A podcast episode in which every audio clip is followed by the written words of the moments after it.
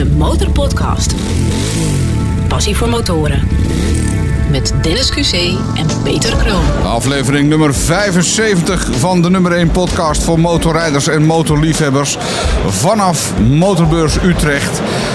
Het is gezellig. Ja, dat, dat, dat, mag ik eigenlijk niet meer zeggen, maar het is wel het is zo. echt heel gezellig. Het is een soort eh, ja, zo- zoete inval hier eh, bij ons eh, glazen huis.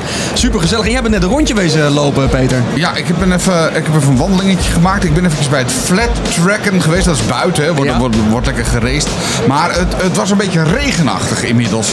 En dat heb je natuurlijk niet door als je hier de hele dag ja, gewoon op de beurs staat of zit. Dan denk je van nou, het, geen idee hoe laat het is. Want ook geen daglicht hier dan. En dan denk je van nou, het zal wel meevallen. En dan kom je buiten en denk oh, het is nog licht. Maar het regende ook een beetje. En dat maakt het racen wel wat spectaculairder natuurlijk. Alleen, ja, eh, dan sta je buiten in de regen en ik had geen parapluutje bij me. Maar goed, verder is het allemaal wel eh, oké. Maar er ligt ook een offroad baantje en daarvoor is de regen natuurlijk ideaal. Ja, dat, dat, eh, dat is fijn. Ja. Kan er even Ik een beetje gespetterd worden. Ik merk aan mijn stem dat we zijn veel aan het podcasten en aan het praten. Ik weet niet hoe het over zes afleveringen is, maar of we nog stem hebben zondag. Motorbeurs, hal 9. Als je deze kant op komt, kom even naar ons glazen huis in hal 9. De Motorpodcast. Achter het vizier van... Achter het vizier van William.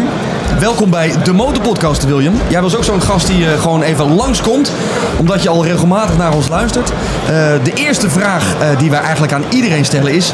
Waar rij je op? Ja, ik rij op een, eh, een Triumph Tiger 800. En dat is zo'n eh, zo'n Allroad eh, machine, zeg maar. Ja. Ja, ja zo, eh, een fijn apparaat. Daar kun je een beetje mee crossen en zo als het moet. En ook op de weg. Ja. Lekker om te doen. Precies, precies dat. Ja. Maar eh, de, inlichting, eh, eh, de, de inlichting die ik net kreeg is dat jij nog een tweede motor rijdt. Zakelijk gezien. Ja, ja, ja. ja, Wat ja. rij je zakelijk gezien? Ja, ehm, en nu is inmiddels dat een 1250 RT. Dus een BMW R1200, eh, 1250 RT. En met heel veel pijn in mijn hart, want kort daarvoor was het nog de K1600 GT. Laat maar raden. Jij, eh, eh, jij bent van, eh, van de overheid. Ja, ja, dat klopt. Ja. Jij bent, jij, bent, jij Ja. bent van veel mensen op deze beurs geen vriend. Ja, dat weet ik niet. Nee, maar nee. ja. Jij werkt bij eh, de, de politiedienst motorondersteuning, zei je net. Ja, klopt, Leg, ja. leg even uit, wat, wat doe jij in het dagelijks leven?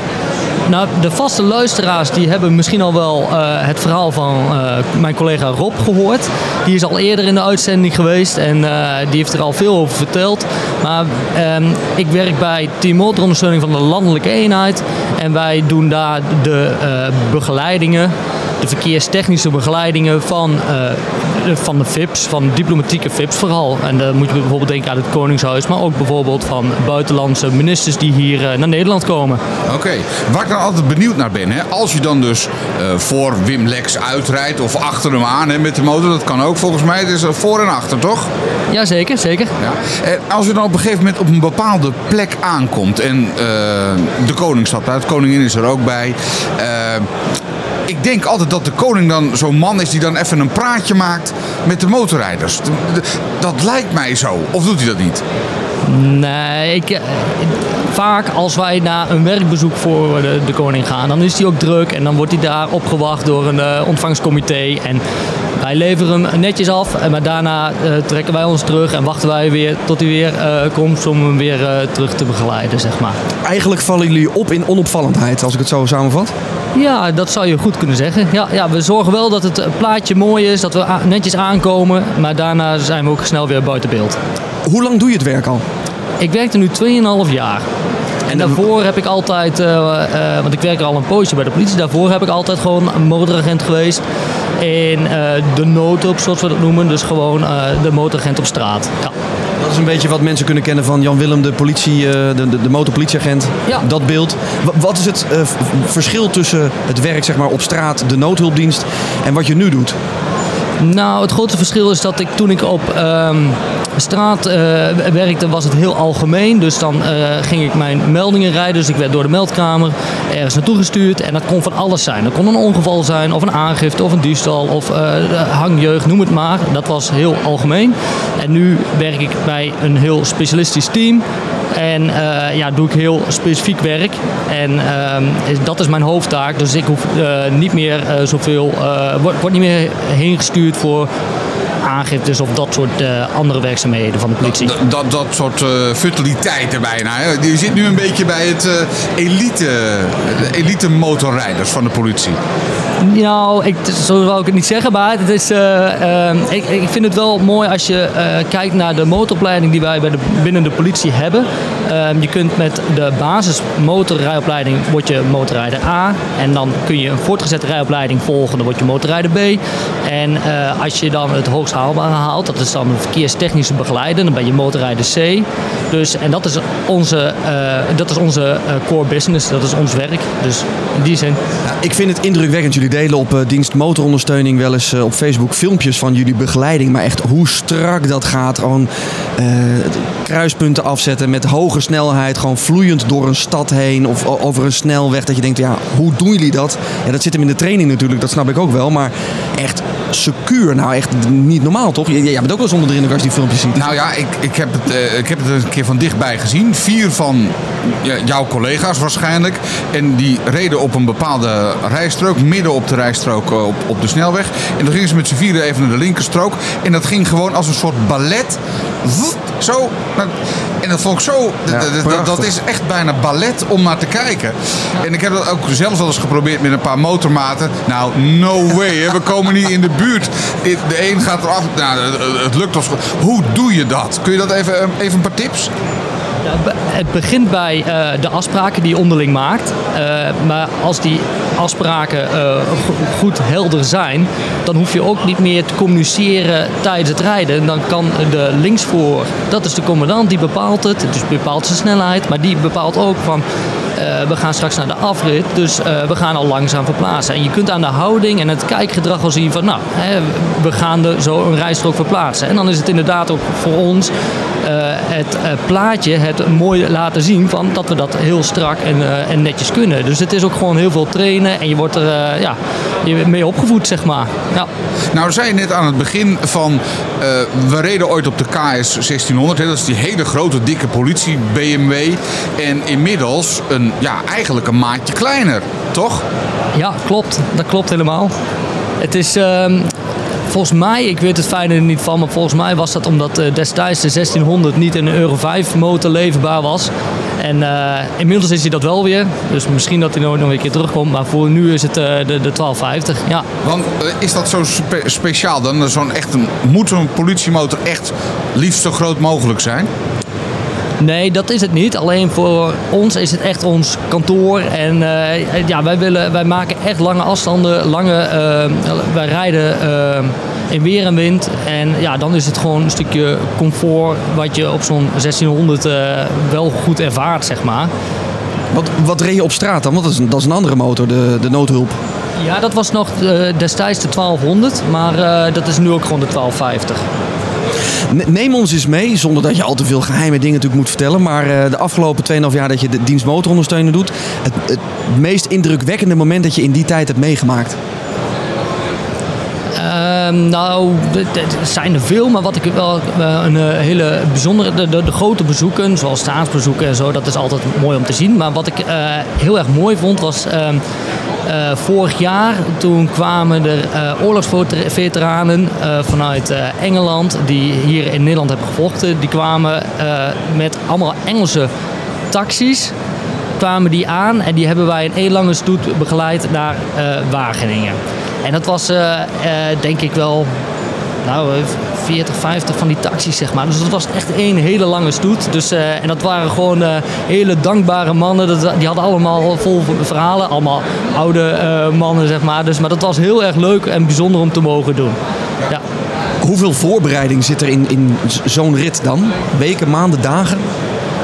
Nou, um, dat is een goeie. Ik denk dat ze, er zit, gaat wel heel veel voorbereiding aan vooraf. Het is vooral als je uh, wisseling van snelwegen hebt en je hebt knooppunten, zeg maar, dan is dat best wel eventjes, uh, moet dat goed weggezet worden van wie welke taak krijgt om dat tijdelijk eh, te ja, stropen, noemen we dat. Eventjes eh, tegen te houden, zodat de stoet eh, ongehinderd door kan gaan, zeg maar.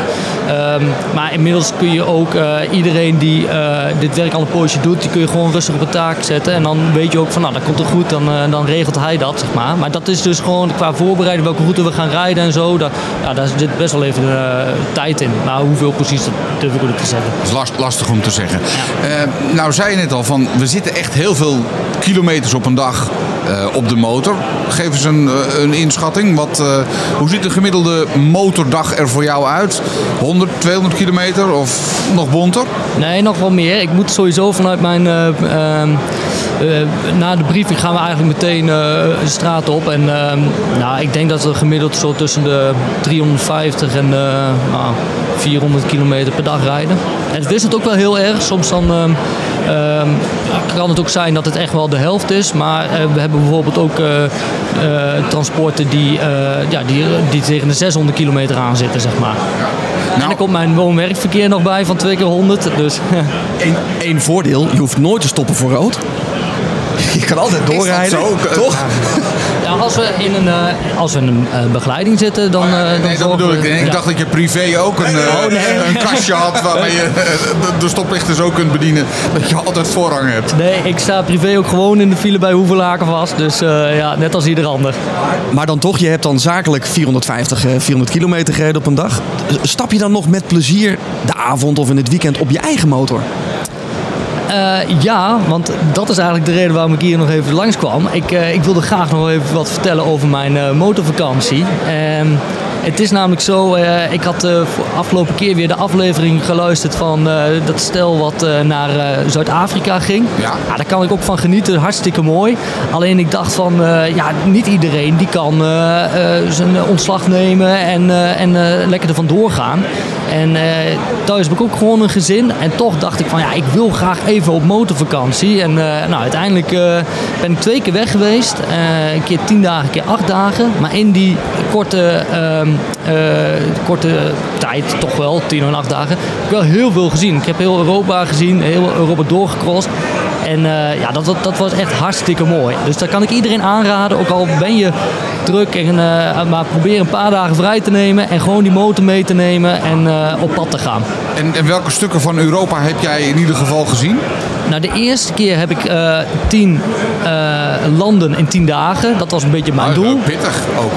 Ja, ja, en dan moet ik zeggen, ik, en dan neem ik Monaco voor het gemak even als land mee en Andorra ook. Maar ja, ja nee, dat was eh, gewoon eh, vanuit eh, Nederland, Duitsland, Luxemburg. Eh, toen ben ik naar Zwitserland gegaan, het noorden van Italië, de hele Côte d'Azur af, Frankrijk, Spanje en weer naar boven. Dus Andorra en dan België. En zo kom ik aan tien landen. Ik, ik snap jou wel, want ik zit er ook een beetje mee. Dan heb je Jessica Maarten of Mitch en Nadia. Of nou, noem de voorbeelden op. Ja, ik zeg mijn baan op. Ik neem gewoon zes maanden vrij, onbetaald verlof. Ik denk, ja, dat ligt niet in, eh, bij mij eh, als mogelijkheid. Bij mij ook niet. Ehm, maar ik vind jouw tip dan wel een goede. Van, ja, neem dan gewoon één of twee weken vrij. Eh, Plan dat in acht of tien dagen. En haal daar dan het meeste uit. Je hoeft niet meteen naar Namibië. Maar je kunt ook gewoon naar Luxemburg of naar Spanje of naar Italië, Portugal. Ja, precies dat. En ik, eh, ik moet zeggen, het is nu al eh, een poosje geleden, maar ik heb daar nog steeds de verhalen en avonturen van waarover ik kan vertellen. Dus ja, dat is gewoon eh superleuk. Ja, dat kan ik echt iedereen aanraden. Maar een nieuw motorseizoen. Het is nu februari, eind februari. Wat staat er dan voor dit jaar op de planning? Nou, ik, ja, maar dat is een beetje te- tegenvallen denk ik hier, want ik ga met de auto. Ik ga nog naar... ehm, naar dat mag je niet zeggen Nee, hier, hè? daarom. Eh, ik ga nog naar de Formule 1, maar dat is, eh, dat, dat is een weekendje. En eh, ja, dus daar, daar, daar ga ik gewoon even snel met de auto heen. Dus, eh, maar dat is naar de Hungaroring in eh, Hongarije. Maar op de motor de GP's af? Ja, het, het, het staat zeker nog op mijn, eh, op mijn bucketlist. Dus, eh, maar voor dit jaar niet, nee. Eh, de beurs, wat staat er voor jou op de agenda qua beurs? Heb je een, een volle portemonnee en een lege plastic zak mee? Ja, nou, eh, de volle portemonnee eh, helaas niet. Maar ik ga, ik ga hier wel van genieten. Ik ben blij dat hij er weer terug is. En eh, er komen veel collega's hier. Eh, misschien zie je Rob zo nog wel lopen. Dus eh, nee, we, ik, eh, ik ga hier gewoon lekker genieten. Veel eh, om me heen kijken. En eh, ik ga vooral eventjes naar de stands voor de vakantie en uh, toerisme. Dat vind ik altijd heel erg mooi. En nou, misschien dat ik daar nog goede tips krijg. Ja. Hey, wat ik me nou toch afvraag, hè? we hebben het ook wel eens aan, aan Rob de motoragent gevraagd, maar ik vraag het ook aan jou nog even als voormalig motoragent, maar nu door motorbegeleider. Sta je als motoragent nou toch niet altijd een klein beetje aan? Dat wil zeggen, als je zelf op de motor zit, dat je denkt van, doe je dat wel goed? En hè, dat, je, dat, dat je in wil grijpen in het verkeer? Nou, ik denk dat wij nu, omdat je altijd zo bezig bent in het verkeer, dat je altijd om je heen kijkt en, en, en bewust bent van, uh, uh, nou, uh, waar rijden, hoe, hoe, hoe, hoe, loopt het verkeer. Je bent altijd wel scherp in die zin. Um, dus als ik bijvoorbeeld privé rijd, mijn vrouw zit naast me, dan, dan zie ik het al veel eerder dan dat zij het zou zien, zeg maar. Dus in die zin sta je altijd wel op scherp. maar ik kan ook heel goed privé op mijn werk loslaten, privé hoor, dan kan ik het allemaal lekker laten gaan. Ja. Heb je wel eens angstige momenten meegemaakt als motoragent? Hè? Want ik, ik heb een aantal filmpjes gezien, ook uh, op jullie uh, socials. En dan zie je ze door Rotterdam en dan moet er even zo'n kruising afgezet worden. En dat gaat me toch een partijtje hard dat je denkt van... Poeh, ik, ik zou het niet durven. Maar ik, ik, kan me voorstellen dat je in zulke situaties... Je bent er natuurlijk voor getraind, maar uh, ja, even heftig allemaal. was angstige momenten? Uh, nou, het is, het is zeker wel een gevaarlijk spelletje. En uh, bijvoorbeeld de begeleiding van wielenkoersen uh, hebben we ook echt nog wel een paar voorbeelden dat, het, dat collega's tegen elkaar aankomen of dat het toch misgaat, zeg maar. Zelf, moet ik hem afkloppen, heb ik het nog niet meegemaakt. Toen je zei van heb je een angstmomentje, dan moest ik even denken aan mijn aan een, een, van de vakanties dat ik door Zwitserland reed, dat ik een klein stukje off-road kon pakken om een stukje af te snijden. En dat werd steeds smaller en steeds nauwer. En uh, dat vond ik wel een angstig momentje. En vooral ook omdat ik alleen was. Ik denk, ja, er is niemand die me uiteindelijk gaat missen als ik, als ik over een uurtje niet boven ben, zeg maar. Je, je wordt op de duur wel een keer gemist, maar ja, precies. je wordt niet zo snel gevonden misschien in zo'n geval. Juist, juist. Hey, we zeiden het net ook al eventjes toen je hier aan tafel kwam van ja, je bent misschien niet ieders vriend, hè, want de motoragent moet toch ja, moet af en toe ingrijpen. Zwaaien naar motoragenten. Ik, ja, ik doe het automatisch eigenlijk. Ze zwaaien niet altijd terug. Hoe, hoe sta jij erin als, als een motorrijder naar je zwaait? Zwaai je altijd terug? Ja, absoluut. Ik ben ook een motorliefhebber. En natuurlijk, ik kan me voorstellen dat mensen best wel eens balen van een bekeuring.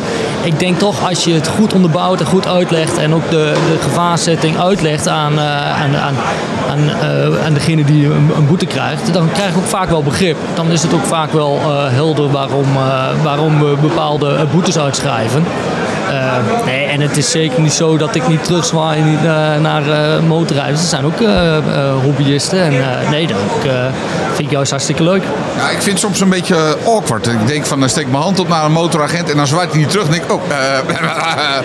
nou, ik, ik vind het eigenlijk, ja, asociaal is misschien een groot woord, maar we groeten elkaar doorgaans allemaal op de motor. Ik denk, ja, waarom groet die motoragent niet terug? En Rob zei toen van, ja, als wij de hele dag, dan zijn we de hele dag aan het zwaaien. Ik denk, nou ja, het is even een vingertje opsteken. Dus ik vind het leuk dat jij het wel doet je hebt gewoon de passie voor twee wielen, toch? Ja, dat, dat is het. Alleen um, wat ik me wel voor kan stellen, soms dan uh, krijgen we onze melding en dat kun je van de buitenkant niet zien, maar dan krijgen wij, we zijn bezig met ons werk, we krijgen informatie binnen of we moeten even reageren. En dan praat je even terug tegen de meldkamer of ik noem maar wat. En dan ben je gewoon druk of we krijgen een een signalement waar we naar uit moeten kijken, ja, dan, dan ben je gewoon goed om je heen aan het kijken. Dan heb je geen aandacht voor alle motorrijders die je ah, Oké, nee, dus dat zou, zou, er ook nog nou, weer, wat, eh, weer wat verklaard. Uh, nou was ik pas uh, in, uh, in, in het dorp waar ik woon, dat, is, dat is Hilversum. En daar stond voor een lokale, ja wat is het, waar je ook wiet en zo kan kopen. Hoe heet dat? Een koffieshop. ik kon er even niet op komen. daar stond dus een grote motorfiets van een motoragent. Uh, zijn, zijn gele jas lag over het zadel. Zijn helm hing op zijn zwaailicht. En, en zijn handschoenen lagen op de tank. En toen dacht ik even, wat moet de motoragent bij de koffieshop? Ja, ik heb geen idee. Ik heb hem er niet naar binnen zien gaan. Maar ik was zelf even richting de sportschool en ik kwam even later terug. Stond die motor er nog? Met die handschoenen op de tank. dacht ik nog heel even van, ja, dat zijn wel hele mooie handschoenen. Want jullie hebben natuurlijk de beste spullen, maar ik heb ze laten liggen hoor. Ja, ja, heel goed, heel goed. Ja, daar zal hij je vast dankbaar voor zijn. Nee, maar ik kan me goed voorstellen dat hij daar gewoon een melding heeft en dat hij daar eh, binnenkomt om, eh, om eh, daar de mensen te helpen. Maar dat doet hij dus een jas uit, denk ik dan. Eh, Ja, maar het lijkt mij niet dat hij eh, een half uur in een koffieshop eh, een jointje gaat zitten roken. Meestal haal, haal je dat en ga je weer weg. Maar nou ja, even, even ging dat door mijn hoofd. Ik denk, nou, zou oma Gent hier nou eh, lekker even de brommer geparkeerd en eh, zit even lekker aan de bar daar of zo, weet ik veel. het lijkt mij niet in uniform. Maar ik, ik ken je Ja, dat, dat had hij, de, die jas had hij ook uitgedaan misschien. nou ja, goed. Ik, ik, ik, mijn fantasie eh, gaat op hol, dat is niet de bedoeling. Nou, onder die jas zit ook nog gewoon zijn uniform. Dus ik kan me gewoon niet voorstellen dat hij daar gewoon... eh, nee, dat, eh, dat- die zal er vast voor zijn werk zijn geweest. Oké, nee, ja, goed. Daar vertrouw ik dan wel op. Wat ik mooi vind om te horen is wat je zegt ook. Weet je, onder, onder dat uniform zit ook gewoon een motorrijder. En dat, dat hoor ik ook een beetje in jou. Gewoon na je werk ook nog willen reizen. Niet zes maanden eh, onbetaald verlof nemen, maar gewoon acht of tien dagen. Ga genieten. Ga niet twijfelen, maar ga het doen. Ik vind dat wel eh, een mooie inspiratie Ja, eh, ja, voor deze, voor deze goeie. podcast. Ja. Nou, eh, heel veel plezier nog, vooral eh, op, de, op de motorbeurs vandaag. En morgen en, nou ja, hè? Nee, ik houd daarbij alleen vandaag. Maar jullie heel veel succes eh, de komende dagen nog. Eh, en eh, ga zo door. Hartstikke leuk. De Motorpodcast. Achter het vizier van... In ons glazen huis op Motorbus Utrecht is aangeschoven Lopke Dijkstra. Welkom eh, bij ons. Dankjewel. Onze eerste vraag die we stellen, omdat we altijd willen weten wie er achter het vizier zit, is... Waar rij je op? Ik rij op een eh, Honda CRF 250L. En dat is een, dat is een... Wat is dat voor motor? Eh, Dat is eigenlijk een dual, dual sport motor, dus je kunt er flink mee offroad. Maar als je even toch over het asfalt zou willen rijden, dan kom je er ook een heel mee. Er is een reden waarom jij hier eh, aan tafel zit. En dat is, jij bent fan van iets waar wij absoluut geen fan van zijn. Hoe is het mogelijk, hè? Wij houden Toch zit best je- van... en eh, toch zit je aan tafel bij Ja, ons. toch zit je aan ta- Wij houden best van motorreizen. ehm, eh, maar wij houden ook van luxe en comfort in hotels. Met gewoon een lekkere badkamer. Liefst nog een sauna voor wellness. Een goed, een goed restaurant erbij. En jij bent eigenlijk de opposite. Want jij bent specialiste in wildkamperen. Omschrijf ik dat zo goed? Ja, dan omschrijf je eigenlijk eh, prima. Dan gaan we zo over het wildkamperen praten. Maar eigenlijk wil ik eerst even weten waar voor jou de motorpassie begonnen is. Oh, de motorpassie is eigenlijk eh, vrij vroeg begonnen. Eh, toen ik 18 was, heb ik eerst mijn autorijbewijs gehaald en eh, nou ja, meteen daarna het motorrijbewijs. Dat is nu een tijdje geleden. Ik heb ehm, eh, ja, allerlei motoren gereden, wat, wat oudere motoren. Ehm, dan ben ik later, nou kon ik een tijdje niet rijden vanwege, vanwege werk en op andere plekken waar ik niet kon rijden. Toen heb ik het weer opgepakt, feesten gereden, gewoon werkverkeer. Later ben ik, ehm, ja, kreeg ik meer interesse in het reizen. Dus toen ben ik wat meer eh, gaan kijken naar een, eh, een motor die wat geschikt was voor het reizen. Daar heb ik mijn lengte niet mee. Ik ben niet zo heel lang. Ik ben ook niet zo heel zwaar. Zoals de meeste dames die je hier ziet. En dan, dan is de keuze vrij beperkt. Zeker als je wil gaan reizen met de motor. Dan kunnen we toch veren onder die een beetje in laat zakken. Hoe was het nou ook weer? Eh, een beetje naar beneden bijstellen. Ja, dat is een optie. Of je kunt eh, eh, je schoenen wat verhogen. Eh, ik heb beide opties gelaten voor wat ze zijn. Eh, ik denk als je, ehm, ja, als je kunt rijden. eh, het rijden op zich is geen probleem. Je kunt daar wel trucjes ook voor verzinnen. Om, ehm, ja, om eigenlijk, eh, zo, zo- zolang je maar met twee tenen aan de grond komt, dan, dan lukt het wel. Het is alleen als je gaat offroad rijden, dan is het soms wat lastig als je, ehm, ja, als je toch een voetje aan de grond wil hebben. En de grond kan dan eh, net iets verder weg zijn dan voor, eh, ja, voor eh, met name mannen met langere benen. En, en offroad, dat, dat doe je nog alles. Want ik heb inmiddels eh, je handboek, je hebt een handboek gemaakt, ehm, eh, voor me liggen. Ik zag twee beren eh, wild kamperen. Dan wil ik ook meteen weten, heb je wel eens een beer in het echt gezien? Ja, dat heb ik zeker. Ehm, onder andere in, in Roemenië.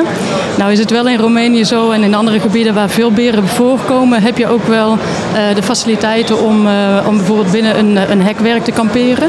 Eh, maar goed, dat, eh, ja, je kunt ze ook wel eens per toeval tegenkomen. Eh, veel mensen als ze over het wild, kamperen denken, dan is een beer het eerste wat in ze opkomt. Ehm, nou is dat niet het, dier wat je het meeste zult tegenkomen. Vaak zijn het juist de kleinere dieren, slangen, schorpioenen, spinnen, waar je, ja, die eigenlijk meer, ehm, eh, die je meer tegenkomt, maar die soms ook gevaarlijker zijn dan het grote, ja, het grote wild. Ehm, en daar, ja, daar kun je wat, wat tips voor eh, vinden in mijn boek om daar goed mee om te gaan. nou noem je terloops eventjes eh, spinnen, slangen, schorpioenen. Nou zijn dat precies de redenen waarom ik niet wil wild kamperen. Laat nog even staan dat mijn tent of te warm, of te nat, of te droog, of te koud is. Dat ik bang ben dat ik van een helling donder. Ik zie nogal wat beren op de weg. Overtuig mij, of, en of Peter nou is, van het wild kamperen. Wat is er zo leuk? Ja, en wat zo is er zo aan? leuk? Nou, wat je zegt, eh, eh, slangen, spinnen, schorpioenen, die bestaan niet alleen in het wild. Die zul jij waarschijnlijk ook in jouw hotelkamer tegenkomen. Ehm, alleen zie je ze vaak niet. Nou, ga maar eens onder het bed kijken. En, eh, of in de badkamer, daar, daar verstoppen ze zich ook graag. In mijn geval, ehm, wat veel mensen zeggen, en jij gaf het net ook aan Dennis, is de, is de luxe. Hè? Mensen willen luxe. Ehm, ik denk andersom. Ik denk als ik elke, elke avond in een hotelkamer lig, of in een hostel of in een eh, accommodatie. De ene keer is het, is het matras heel hard, de andere keer is het zacht, dan is het te klein, dan is het te groot. Eh, een kussen is te hoog of te laag, het is te warm of te koud. Terwijl als ik kampeer heb ik altijd mijn eigen spullen bij me. Dus ik heb altijd hetzelfde matras, dezelfde slaapzak, dezelfde, eh, hetzelfde kussen. Alleen de omgeving is anders. Maar ik weet wel dat als ik, ehm, ik kies mijn eigen plek uit en ik weet dat het materiaal wat ik heb, eh, eh, ja, in elk geval zorgt voor een goede nachtrust. Oké, nou ja, eh goede nachtrust, maar het is wel, het is wel buiten. Hè? En dat, ja goed, ik, ik ben misschien daar iets te negatief in, maar dan ga ik toch denk ik wel voor het, het warme bed in het hotel.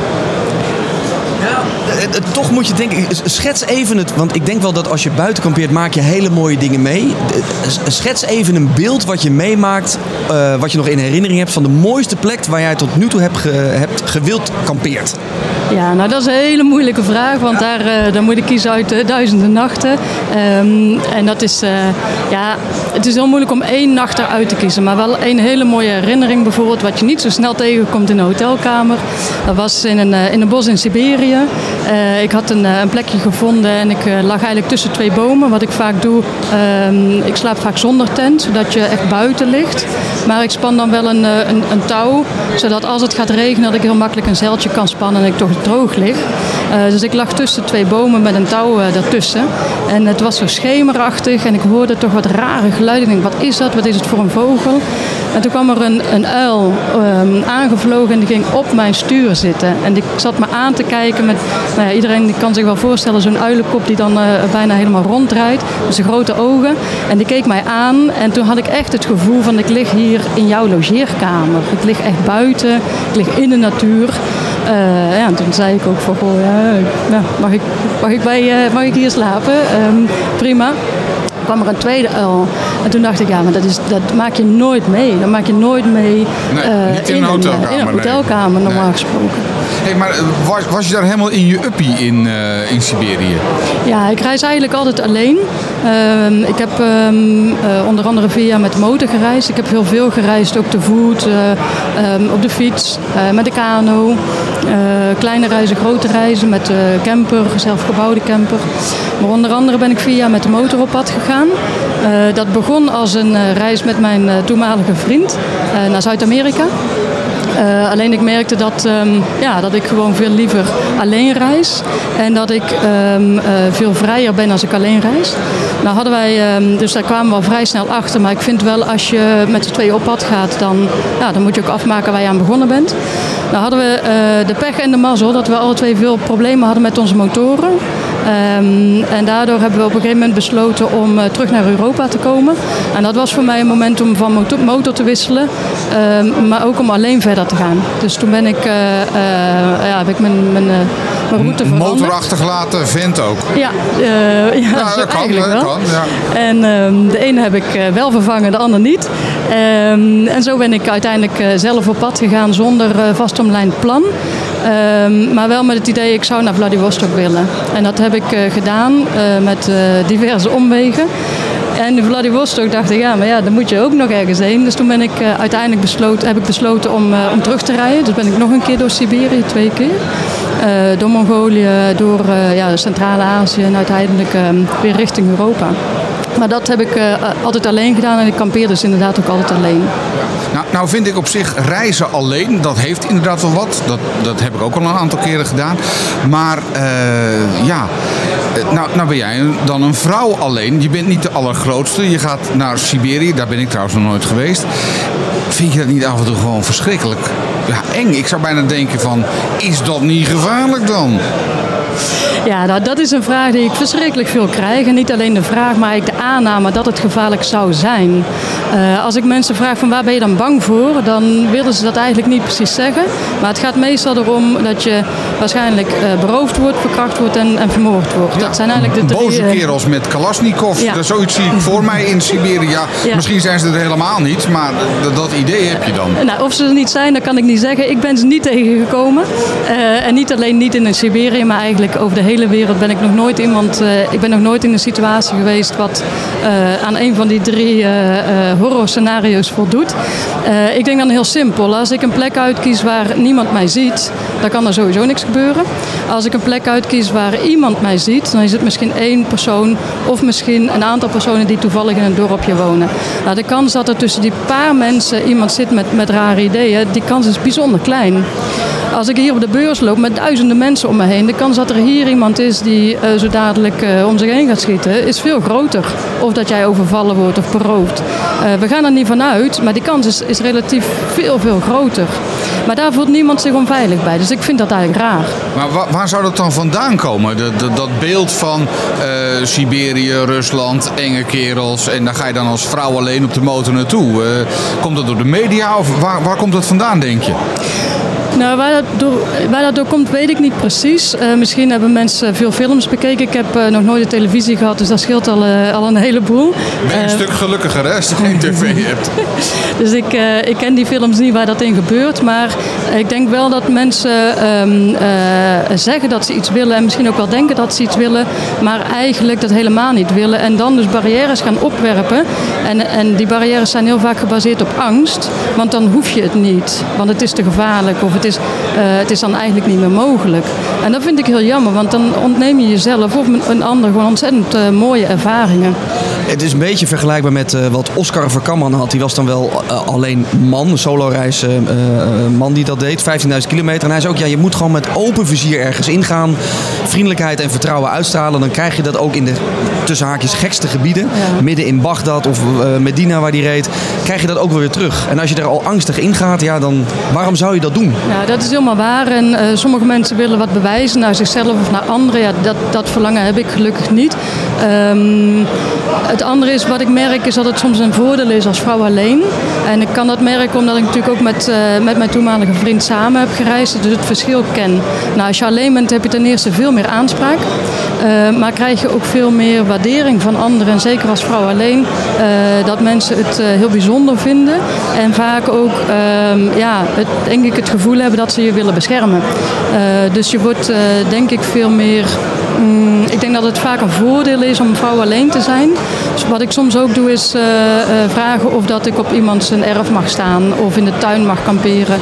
En zeker in gebieden waar het ofwel qua terrein lastiger is om een ander plekje te vinden. Of dat ik denk dat het misschien veiliger is. En dan zijn mensen eigenlijk altijd bereid om je, om je onderdak te bieden. En ik denk dat het moeilijker zou zijn als ik, als ik man zou zijn. Nou reizen we de hele wereld over. We vliegen de hele wereld over. We hebben een CO2-probleem. We, we wild kamperen overal maar. Wat doet dat met de natuur? Wat mag jij overal maar zo wild kamperen? Nou, of het mag, dat verschilt per land en verschilt ook per gebied. Uh, maar er is ook een verschil tussen wildkamperen en bivakeren. En um, wildkamperen wordt eigenlijk gezien als ergens vakantie vieren. Dus uh, verschillende nachten en verschillende dagen ergens blijven. En dat mag in de meeste gevallen niet.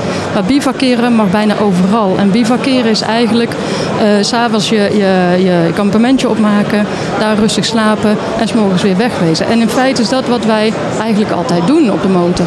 Dus we, um, als je het volgens de letter van de wet bekijkt, dan is het meestal bivakeren in plaats van wildkamperen. En dat mag meestal gewoon.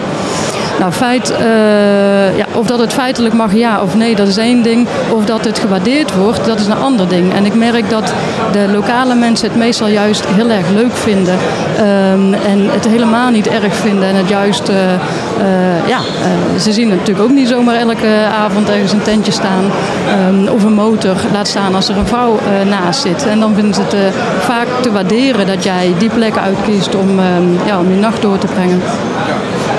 Is het credo dan een beetje vergelijkbaar met wat urbexers doen? Take nothing but footprints. Nee, take nothing but pictures and leave nothing but footprints? Ja, ja dat klopt. En eh, daar besteed ik in mijn boek ook heel veel aandacht aan. Omdat ik vind, eh, ik vind echt een voorrecht dat je eh, ja, mag genieten van de natuur. En daar je, je vrijheid mag ervaren. En daarvan, eh, ja, daar mag verblijven. Maar dan vind ik ook dat je het met respect moet behandelen. En ik denk dat veel mensen dat wel willen. Maar het is niet altijd bewust zijn van wat voor impact je ja, onbedoeld toch hebt. Dus waar ik in mijn boek ook heel veel aandacht aan besteed, zijn gewoon heel praktische dingen. Van ehm, nou ja, bijvoorbeeld naar de wc gaan. Hoe doe je dat dan op een manier waarop de natuur er weinig last van heeft? Ehm, maar ook eh, maak je wel of geen vuur? Eh, wat voor materialen heb je? Eh, wat kun je gebruiken zodat als jij weggaat, dat er ook daadwerkelijk ja, dat je niks onbedoeld aan schade achterlaat. Nou, la- laten we even dat vuur maken. Eh, eh, wanneer wel, wanneer niet? Ja, dat lees je allemaal in mijn boek. Een goede teaser als verkoopactie. Ik maak niet vaak vuur, eh, althans geen open vuur, omdat dat ehm, eh, mij meer zichtbaar maakt. Dus ik heb het liefst dat niemand mij ziet, want dan heb ik gewoon een lekker rustige nacht. Ehm, dus ik maak niet vaak vuur, maar soms is het wel fijn om je op te warmen. Soms ook om dieren weg te houden. Alleen je moet goed weten eh, wat je verbrandt en ook hoe je het verbrandt. En eh, waar bijvoorbeeld veel mensen niet bij stilstaan, is dat als jij een, een, eh, een vuur maakt, ehm, is dat het door, door ondergrondse kanaaltjes of wortels bijvoorbeeld van, van begroeiing, het vuur zich onder, onder de grond kan verspreiden. En zeker als je in een droog gebied zit, ja, heb je misschien helemaal niet in de gaten wat, wat dat mm, nou ja, misschien wel kilometers verderop kan doen. En ja, het zou toch jammer zijn als jij een mooi vuurtje hebt, maar s'morgens eh het, het vuur iets groter is geworden. Ja, ja. ja. Maar dan toch even, als je door Siberië eh, rijdt en er ligt sneeuw, dan weet ik, don't eat yellow snow. Dan toch even naar het toilet gaan met zo min mogelijk impact op het milieu. Want er staan nog heel veel andere mooie dingen in jouw boek. Doe toch even dat tipje van de sluier ook. Eh, over die gele sneeuw. Nee, over naar het toilet gaan en zo min mogelijk effect op de natuur. eh, als je moet, moet je. Ja, als je moet, moet je. En dat, eh, goed, dieren die, die poepen ook in het bos, zeggen ze dan. Dat klopt. Ehm, nou, één tip is om eh, nooit veel ontlasting of urine op dezelfde plek achter te laten. Hè, verspreid het. Eh, maar ook bijvoorbeeld eh, je ontlasting kun je het beste begraven. En ehm, nou, daar staan wat, tips van, van hoe je dat kunt doen en ook hoe diep. Ehm, maar dek het in elk geval af. Al voor de dieren, maar al was het voor iemand anders die toevallig ook daar wil picknicken of, of zo. Ja, dan is het toch wel fijn als je niet meteen in, in, in andermans ontlasting zit Dus je moet net als de kat leven eigenlijk. Die doet het ook, hè? Nou, bijvoorbeeld, ja. Kijk wat dieren doen en, en vraag je af waarom ze dat doen. Eh, moet jij je territorium eh, markeren? Nou, nee, eigenlijk niet. Dus ja, waarom zou je het dan open en bloot laten liggen? Ehm, eh, jezelf wassen, hygiëne, dat is ook ja, een ding wat, waar veel mensen wel bij stilstaan. Van tevoren, waar moet ik dan douchen? Hoe doe ik dat dan? Nou, ik denk waar niet, want er is altijd wel water te vinden.